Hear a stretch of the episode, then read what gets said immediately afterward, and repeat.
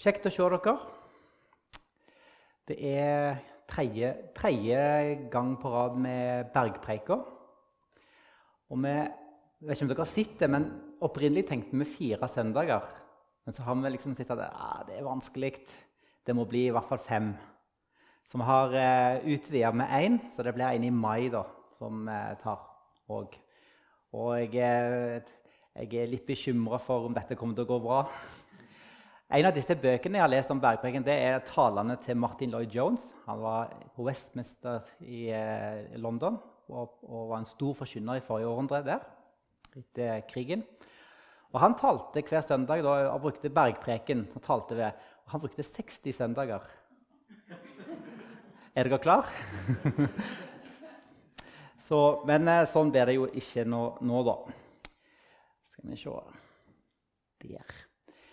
Um, vi skal altså bruke ca. fem søndager. Og eh, det er jo sånn at disse her talene blir lagt ut på nett. Så da kan dere være hjemme istedenfor å komme her og høre på det hjemme. Nei, Nei, det må dere ikke gjøre. Vi må komme. Vi må være i lag. Det er viktig, syns jeg.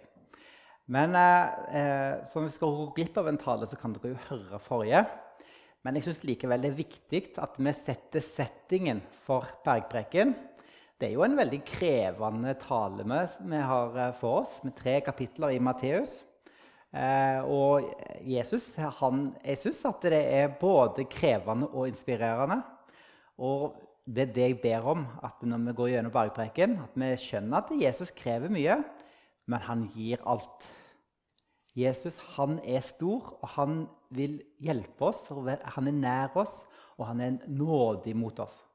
Gud Fader han viser oss nåde. og Derfor syns jeg det er så viktig at vi bare minner oss om at er bergpreiken den starter ikke med kravene, den starter med hvem vi er.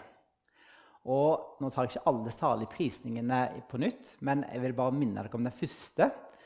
Der Jesus liksom tar taler disiplene, og så skal han fortelle hvem er de salige, de som har det best. Så sier han, 'Salige er de fattige i ånden, for himmelriket er deres'. Og Det vi ser i bergpreken, er at Jesus snur alt på hodet. Jeg tror det var tema på søndagsskolen en periode. Da, da var det opp ned. Det var en sånn egen sang òg, og det er veldig, veldig bra. da.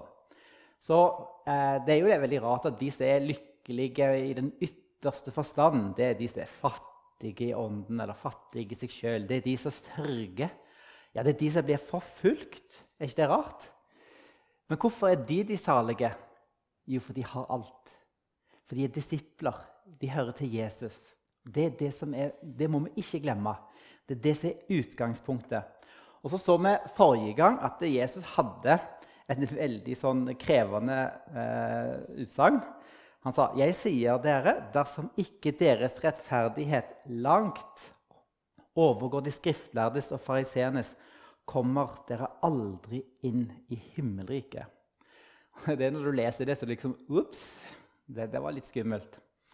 Men det, det, det, Jesus viser nå da, i kapittel 5 i Bergpreken, det er at, det, at det, det, er ikke de som får det til, som er de salige, men det er altså de fattige i ånden. Og den rettferdigheten som han her krever, det er ikke en sånn rettferdighet som fariseerne krefter. For de ville at du skulle oppfylle masse sånne ytre handlinger. Ting du gjorde, det mennesket så. Men det er en rettferdighet som stikker dypere. Det er den rettferdigheten vi har pga. at vi har fått Ånden, og fordi vi har vendt oss mot Jesus og vil følge ham. Det er den rettferdighet som gis til de som tror på Jesus. Og eh, det er jo sånn da at eh, Gud han, han, kan, han, ser alt. Han ser de ytre tingene vi gjør. Alle de rettferdige gjerningene vi liksom gjør. Men Gud han ser òg til hjertet. Eh, Samuel, når han skulle salve ny konge, så gikk han jo gjennom alle disse her, brødrene til David. Men det var ingen av dem som liksom var den rette. Og så til slutt så, eh, så, så, er det jo David da, som blir valgt. Og da står det at Se ikke på hans utseende, sa Gud til, til Samuel, og høye vekst, for jeg har forkastet ham. Gud ser ikke på det som mennesket ser på. Mennesket ser på det ytre men Herren ser på hjertet. Så altså det, det er helt grunnleggende eh, dyp rettferdighet som det kreves her. Så eh, når vi leser dette her, så er det ikke det at vi skal være så mye bedre enn fariserene sånn i kvantitet. Men den rettferdighet som kreves, er en annen. Ikke i kvantitet, men av art. Det er en annen type rettferdighet. Og det er den som stikker helt i dybden. Da er det altså ikke bare det om du ikke driver hor med at du ikke utfører handlingene, men du, det er dette du skal ikke begjære ved å se på osv. Alle disse eksemplene Jesus tar. Så det var kapittel fem. Så kommer vi til dagens tekst. Nå har jeg brukt fem minutter på det, så det var jo, lover jo bra. Så eh, I dagens tekst så handler det litt om, eh, andre, om litt andre sider. For Jesus han sier Pass dere for å gjøre gode gjerninger for øynene på folk, for å bli sett av dem. Da får dere ingen lønn hos deres far i himmelen. Du vet at Hvis du har det ytre i orden, så kan du jo få skryt av andre mennesker. Men Gud han ser altså til hjertet, og han sier altså at vi skal passe oss for disse gode gjerningene. Og nå vet ikke jeg hvor mange av dere som, eh, hva bibeloversettelse dere bruker. Men dette er jo tatt fra den, nye, den siste til Bibelselskapet. Riktignok på bokmål. Men nå skal jeg dra tilbake en 80, 90, nesten 90 år i tid. Nei, det er feil. Kan ikke regne. Kan ikke regne. Iallfall jeg til 1930-oversettelsen. Den gode, gamle 1930-oversettelsen. Der står det nemlig Ta eder i vare at de ikke utøver eders rettferdighet for menneskenes øyne for å sees av dem. Ellers har dere ingen lønn hos eders far i himmelen. At Disse gode gjerningene som står i den moderne, det greske ordet, det er det samme ordet som blir brukt i det verset vi leste, at dersom ikke deres rettferdighet langt overgår fariseernes Altså rettferdighet. Det er det samme greske ordet. Dikaiosynen. Rettferdighet. Det er det samme ordet faktisk som ble brukt om Jesus når han ble døpt da eh, Johannes nekta å døpe han. Og så sier Jesus, 'La det nå skje. Dette må vi gjøre for å oppfylle rettferdighet.' Så det, det er det samme ordet rettferdighet. Og eh, da er det jo sånn at det kan menes med rettferdighet der. Og da er det sånn at I jødedommen så er det altså tre jødiske plikter som var veldig viktige, og er fremdeles veldig viktige for en jøde. Og Det er almisser, det er bønn, og det er faste. Og Nå vil Jesus altså i kapittel 6 bruke disse som eksempler på, for å vise hvordan denne nye rettferdighet stikker dypere hos mennesker. Og kan vi begynne med almisser. da. Og Det var noe som var veldig høyt eh, akta hos folk. Å gi almisser var forventa at du skulle gi gaver. Og du ga dem til synagogen, og så delte de ut til folk som måtte ha behov for det. Sånn at de fattige kunne gå til synagogen og få hjelp. Ja, og Folk som var på gjennomreise gjennom landet, kunne også få hjelp i synagogen til å få mat og det de trengte. Så står det altså i vers 2.: Når du gir en gave til de fattige, skal du ikke utbasunere det, slik hyklerne gjør i synagogene og på gatene, for å bli æret av mennesker. Sannelig, jeg sier dere, de har alt fått sin lønn. Og her, her syns jeg faktisk Nå, er det sånn, nå har vi vært i 1930-oversettelsen. Nå skal vi ta 19, nei, nå skal vi ta den nye oversettelsen, men den som Kristin sitter og leser. For hun har, har nynorsk. Og der står det nemlig når du gjev ei gave til det fattige, så blås ikke i basunen for deg sjøl, slik som hyklerne gir synagogen. Kan du se for deg det? Du skal liksom gå og gi gave, så blåser du først basun. 'Se her, hvor flink jeg er!' Og så gir du gave. Og det er jo litt rart, og I dag er det vel ingen som gjør det. Det var vel kanskje ingen som gjorde det den gangen heller, så det er et bilde. I dag er det kanskje litt mer sånn.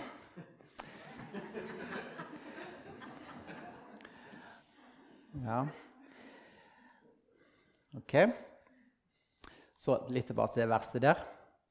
Så det som er greia her, da, det er litt sånn spennende å se på ordene her. For eh, det er jo klart at det, et ord vi ikke vil bli brukt om oss sjøl, det er ordet 'hykler'. Og Det er et ord som eh, vanligvis folk er veldig kjappe med å bruke. Særlig hvis, eh, hvis, det er noen i en litt sånn høy stilling. Hvis du er en prest og du har, har falt, så blir det liksom hykler. Det greske ordet gjerne, hykler, hypokrites, faktisk, det ble, det altså en, eh, ble brukt om skuespillere. Altså de som spilte teater. Da kom de jo på scenen, og når du kom på scenen, så går du inn i en ny rolle. Og så brukte de ofte sånn masker som de putta på. ikke sant? Så var det nye typer roller. Og det er dette Jesus sier, at når vi gir en gave, så skal vi liksom ikke spille rollen som så prektig og flink som vi er. ikke sant? Når vi gir denne gaven. Så det er litt sånn som han her, da. Så eh, Det som er litt rart når vi leser teksten fra Matteus, det er, da tenker jeg på hele kapittel 6 her, det er det at eh, vi skal snart lese om bønn osv. Og I jødedommen den gangen, og for så vidt for en del i dag, så er det dette, det å, å tro Det å praktisere sin tro det var, var ikke noe som du skulle privatisere. Var, det, de er helt fremmed for den tanken. Troen var noe som du utøvde, og som du kanskje var stolt av, da du ville vise deg fram. Mens i dag hvordan er det i dag? I dag er troen noe som er hjemme, og som vi kanskje ikke vil vise. Er det noen som kjenner seg igjen? Jeg har fortalt det før. Jeg må bare fortelle det en gang til. Bare illustrere hvordan, hvordan, kan, hvordan det er i dag. En gang når jeg hadde noen studenter som jeg hadde hatt i ett og et halvt år så når jeg var ferdig med dem, så skulle de ha middag, og da spanderte de middag på meg. For de var tydeligvis fornøyd. Og så hadde de gitt meg, hadde de gitt meg en gave, og så reiste jeg meg opp. Og så, så var jeg så, jeg var så glad for denne gaven. Og så sa jeg høyt, uten at jeg tenkte meg om, inne på denne restauranten Så skulle jeg opp og tale, og så bare glapp det ut av meg. Kjære Jesus. Og jeg kjente Sa jeg det høyt? Sa jeg det virkelig høyt? Og jeg kjente jeg ble litt sånn flau. Men alvorlig talt, er det noe å være flau over? Men dere, alle, dere ler, for dere skjønner hva jeg mener. Ja. Så i dag ser vi det litt annerledes da. Men kanskje det bildet som dere ser på veggen, der eh, viser litt hvordan det er i dag. For det handler om å skryte over seg sjøl og lage et annet bilde og gjøre oss bedre enn det vi er. Det er det det handler om. Så i Matteus 23 for eksempel, så går Jesus litt til rette med disse her eh, fariseerne. Eh, og han sier, 'Ved dere skriftlærde og farisere, dere hyklere.' Dere ligner hvitkalkede graver. Utvendig er de vakre å se på, men innvendig er de fulle av dødningebein og all slags urenhet. Slik er det også med dere. Utvendig, i folks øyne, ser dere rettferdige ut, men innvendig er dere fulle av hykleri og urett. Å, det er så lett å peke på disse fariserende skriftlærde, er det ikke vel? Det er de, det er de som har problemet. Men husk på det at det, teksten som Jesus har gitt oss i bergpreken, er skrevet til oss. Det er skrevet til oss.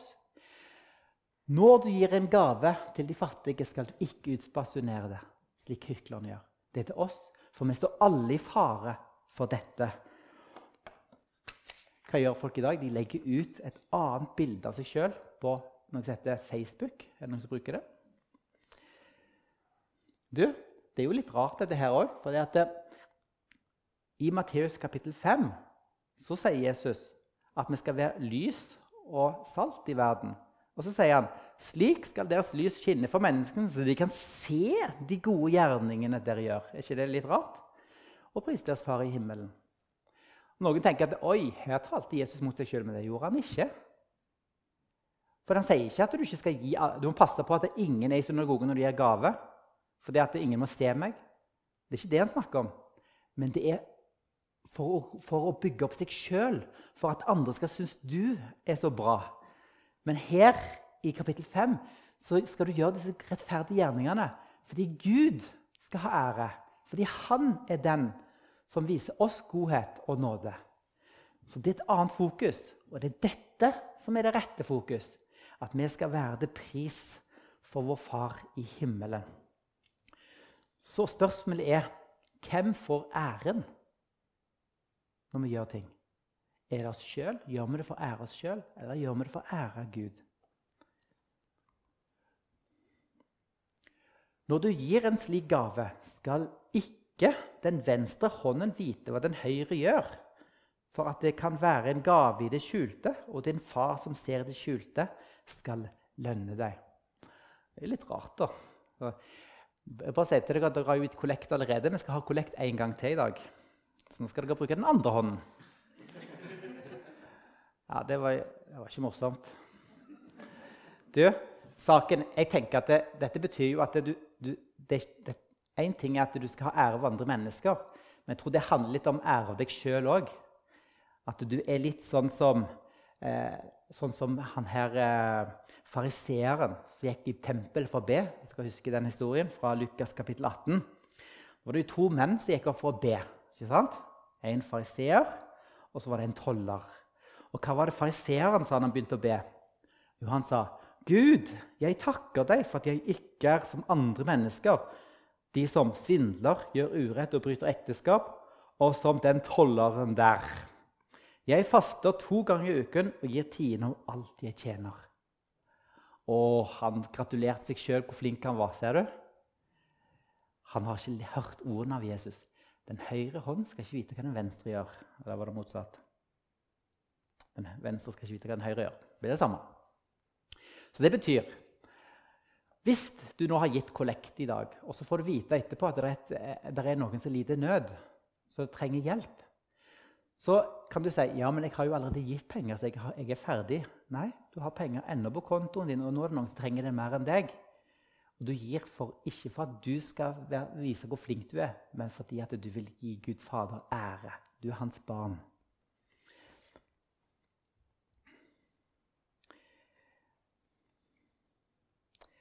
Ok. Så tar han over dette med bønn. Bønn er jo, eh, et, det er jo kapittel 6 her. Vi har Fader vår. Bønn er jo veldig viktig. Det er noe som eh, altså Det er en av de tre viktige tingene. Almisser, bønn og faste. Og eh, det er litt herlig da, når, vet ikke om dere leser sånn vårt, nei, Dagen har vel sånne, av og til sånne bønn for barn. Har dere sett det? Det leste jeg en gang. Eh, Kjære Gud, vær så snill og send en ny baby til mamma. Den nye du sendte sist uke, griner for mye. Ja, Vil dere ha en til? Kjære Gud, hvem skapte du smartest, gutter eller jenter? Min søster og jeg vil så gjerne vite. Det er jo fint. Her er det, her er det en, Dette er jo tett fra middelalderens teolog, teologiske diskusjoner. mer eller mindre. Kjære Gud, hvor mange engler er det i himmelen? Jeg ønsker å bli den første i klassen som vet svaret. Du vet at De krangla jo teologen, om hvor mange engler er det plass på et knappenålhode.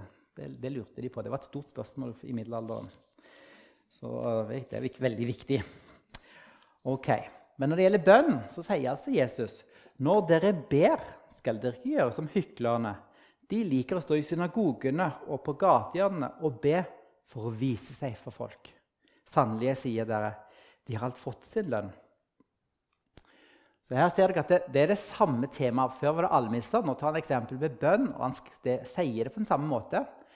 Har dere merket ordet 'lønn' her? Er ikke det litt rart? Å få lønn? Er ikke alt av nåde? Er det, det snakk om lønn i Guds rike? Å, du Matteus kapittel 5, hva står der? Kapittel 5, salig-prisningen. Er det snakk om lønn der, eller? Jeg må nesten slå det opp. Salig er de fattige i ånden, for himmelriket er deres. Salig er de som tørster, eh, sørger, for de skal trøstes. Salig er de ydmyke, for de skal arve jorden. Salige er de som hungrer og tørster etter rettferdighet, for de skal mettes. Er det lønn? Lønnen, hva er den? Det er Gud sjøl. Du får del i Guds rike. Når du ber til Gud, Hvis du ber en fin bønn for å vise deg for andre, ja, da har du allerede fått din lønn fordi du har fått ros av de andre. Da, du har liksom vist deg fram. Men den ekte lønnen det er den du får av at du får kjenne Gud. Og du får være i fellesskap med Han. Og du får del i alt dette. Som står i saligprisningene, f.eks. Nå er det sånn at eh, Vi kjenner ikke til praksis med at folk sto på gatehjørner og, og, gjorde det sånn som dette. Eh, det drev visse, visse, ting med faste tider, sånn at folk gikk ut og ropte inn på gatehjørner. og sånn, Men det, jeg tror nok at eh, Jesus vil bare få et poeng med at, eh, at vi, skal vise, vi, skal ikke gjøre det for å vise oss fram her òg. Så sier han, men når du ber skal du gå inn i rommet ditt og lukke døren og be til din far som er i det skjulte, og din far som ser i det skjulte, skal lønne deg. Jeg vet ikke hvordan dere har det hjemme hos dere, men vi bor jo i så fine hus i Norge i dag. gjør Vi ikke det? Vi har så mange rom. Jeg er faktisk heldig at jeg har et eget kontor så jeg kan eh, gjemme meg i. Eh, men sånn var det jo ikke den gangen. Altså, eh, Vi tenker at de hadde sånn lønnkammer, et eget rom som de gikk inn og ba i. Men det hadde de ikke. Det var bare ett rom i et jødisk hjem som de kunne lukke døra i. Det var, det var altså eh, matkammerset, der de bevarte mat og andre ting. Det var det eneste rommet som det var dør til. Og Det er det ordet som ble brukt her. Rommet ditt. Det greske ordet er tameion, det innerste rommet der matvarer ble lagra. Og, og, det som var også det, at Der var det heller ingen vinduer, så ingen kunne se deg hvis du gikk inn der. Så der satt du trangt, og ingen så deg, og ba. Jeg vet ikke om Jesus mener at vi akkurat skal gå inn i lønnkammeret eller det der, det der matkammerset. Poenget er jo at vi gjør det ikke for at vi skal bli sett av andre, men vi gjør det fordi at vi vil henvende oss til Gud. Men vi kjenner faktisk en historie fra Bibelen der det motsatte skjedde. Gjør vi ikke det? Men det, men det er en god historie. For dette, dere vet, Daniel han ba flere ganger til dagen. Tre ganger til dagen ba han fast. Og så ble det, ble, Han satte seg altså i vinduet han og ba for å bli sett. Men du, forskjellen her det er Daniel satte seg ikke i vinduet for å få ære. Han satte seg for å vise at han ville kun tilbe Gud. Gud Israels Gud. Han gjorde det for å vise at det er bare den Gud som han ville tilbe. Og Da var det ikke for å ære seg sjøl. Dere vet jo at det, det var jo livsfarlig det han gjorde. Så poenget er at når, når, Jesus sier dette, så betyr ikke det at vi ikke skal slutte å be på bedehuset sånn at andre ser oss. Poenget er at vi gjør det ikke for å få ære av andre, men vi gjør det for at vi vil ære Gud Fader. Når dere ber skal dere ikke ramse opp ord slik hedningene gjør. De tror de blir bønnhørt ved å bruke mange ord. Vær ikke lik dem, for dere har en far som vet hva dere trenger, før dere ber ham om det. Om det første bildet med, bønn Jesus bruker, er om fariseernes måte å be på for å vise seg fram, så det andre bildet er altså tatt fra hedningene når de ba. Og det greske ordet for å ramse opp ord det er et ord som ikke er brukt så veldig mye. Men det er ordet 'batalageo'. Og Mange fortolkere tror at det, det, er som at du bare skriver bla, bla, bla, bla. bla. Altså de babla i vei. Sånn at Hedningene de babla i vei og trodde at det betydde noe. At de sa ordene ville virke, at de ble svart. Og Vi ser et eksempel på dette i Apostelens gjerninger, kapittel 19, og vers 34. For Da var det Paulus og, disse, og Barnabas og det, Silas. Husker ikke helt. Iallfall så eh, Det var vel Silas. Så eh, hadde stoppet altså De hadde, hadde, talt, og så skjønte de at de var jøder. disse her. Og da begynte de å skrike i, i kor i to samfulle timer, står det. Stor er efeseren Artemis. Og Det gjentok de altså i to timer. Og Det er denne type bønn, gjentagelse, bare for at du tror at bare du gjentar ordet nok, så vil det gå bra. Dette er ikke poenget med bønn. Det er ikke ordene i seg sjøl som virker noe, men det er hvem du henvender deg til, som betyr noe. Bønn, det har med innstillingen vår. Vi snur oss til Gud Fader, og så ber vi tillitsfullt til Han. Og Da er det ikke mange ord som betyr noe. Det betyr ikke at vi, altså, vi kan være utholdende i bønn. Det blir vi faktisk oppfordret andre ganger. Men det er fordi at uh, Gud han, eh, han, har, han, vil at vi skal be til ham. Men det er ikke ordene seg sjøl, altså. Det er ikke hvordan vi babler. Så i den teksten som vi har lest så langt, og resten av kapittel 6 Når du leser Bibelen, så ser du kanskje mange ganger at det er noen ord som går igjen. Og det, vet ikke om du har lagt merke til når du leser kapittel 6. Vi burde jo lest det i et sammenheng før vi begynte. egentlig. Men det er ett ord som er veldig slående, som kanskje ikke vi legger merke til i dag. når vi leser teksten. For Vi har lest det så mange ganger, og vi tar det for gitt. Men det er ordet 'far'. Tolv ganger forekommer dette ordet i kapittel 6. Det greske ordet 'pater'. Ok? Og Jeg tror ofte at vi tar det litt for gitt. fordi vi har vokst opp med at Gud er en snill far. Det har vi alltid sagt. Det sier vi til ungene at vi har en far i himmelen osv. Og, og dette er rett. Men husk på én ting. At Gud er en hellig Gud. Og sånn som vi er i oss sjøl, så er vi fiender av Gud. Vi er ikke Guds barn. Nei, vi er Guds fiender, sånn som vi er i oss sjøl. Og det at, det at, vi får kalle Gud for vår far, det er bare fordi at Jesus har sona vår synd og gjort det mulig for at vi skal bli adoptert inn i Guds familie. Så du får kalle Gud for far ikke fordi det er noe i deg som gjør at det er mulig, men det er Gud som gjorde det. Gud gjorde det mulig i Kristus.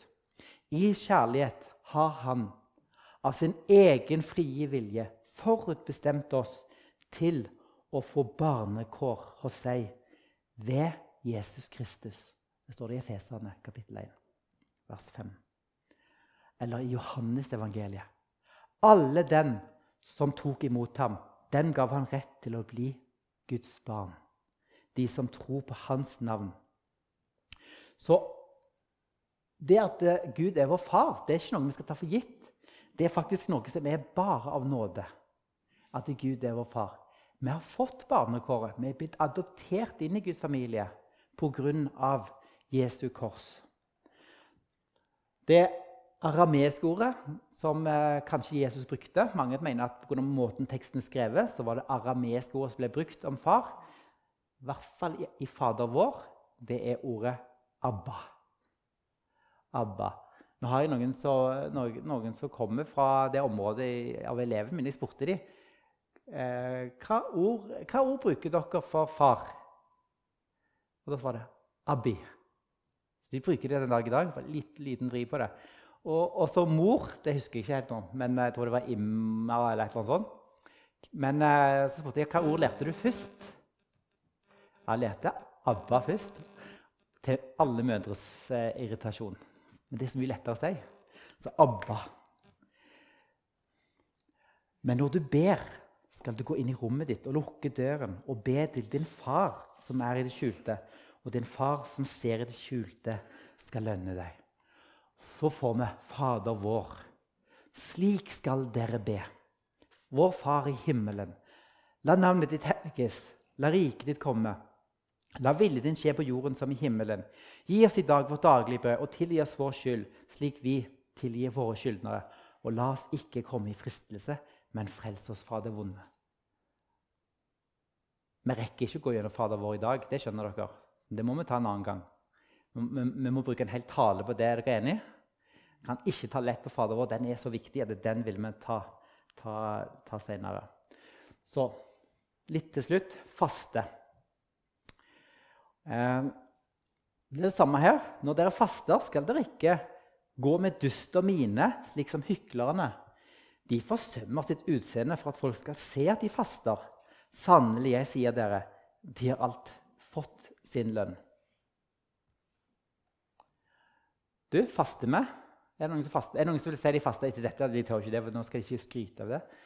Du, jeg skal ikke skryte. Jeg skal fortelle at jeg, jeg, jeg, når jeg var ganske nyfrelst, så skjønte jeg at nå må jeg faste. Jeg må faste. Det jeg skulle prøve. Jeg hadde så lyst til at mine foreldre skulle komme til tro. liksom. Og så da nå skal jeg faste. Så det gjorde jeg. Så jeg begynte godt. Nå sier jeg ikke dette for å skryte, men eh, for det, det, går dårlig. Dette skjønner dere etter hvert. Men eh, jeg eh, skulle ikke spise noe, det skjønte jeg, og så skulle jeg be. ja, som bare sånn litt innimellom. Jeg satte ikke et rom på hele veien. Jeg gjorde andre vanlige ting, så, men det er greit.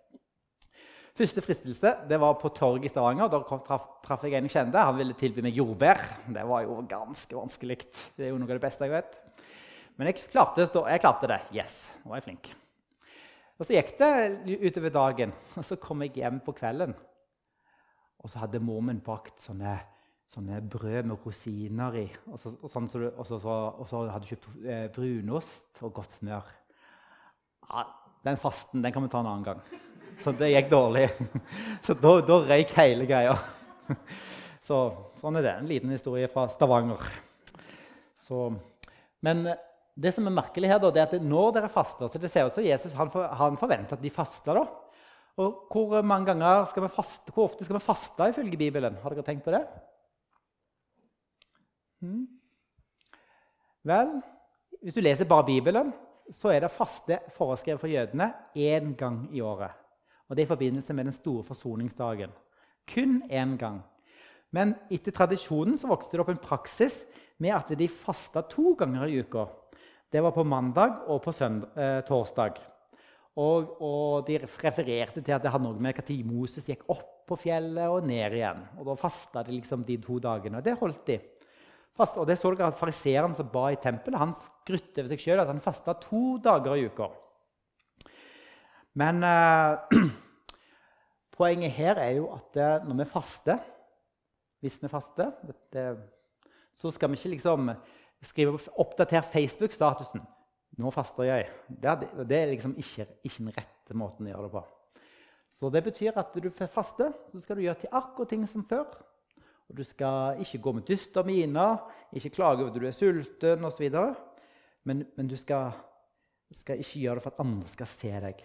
Og her har vi igjen og din far, som ser i det skjulte, skal lønne deg. Men når du faster, skal du salve hodet og vaske ansiktet for at ingen skal se at du faster, ingen andre enn din far, som er i det skjulte og din far som ser i det skjulte, skal lønne deg.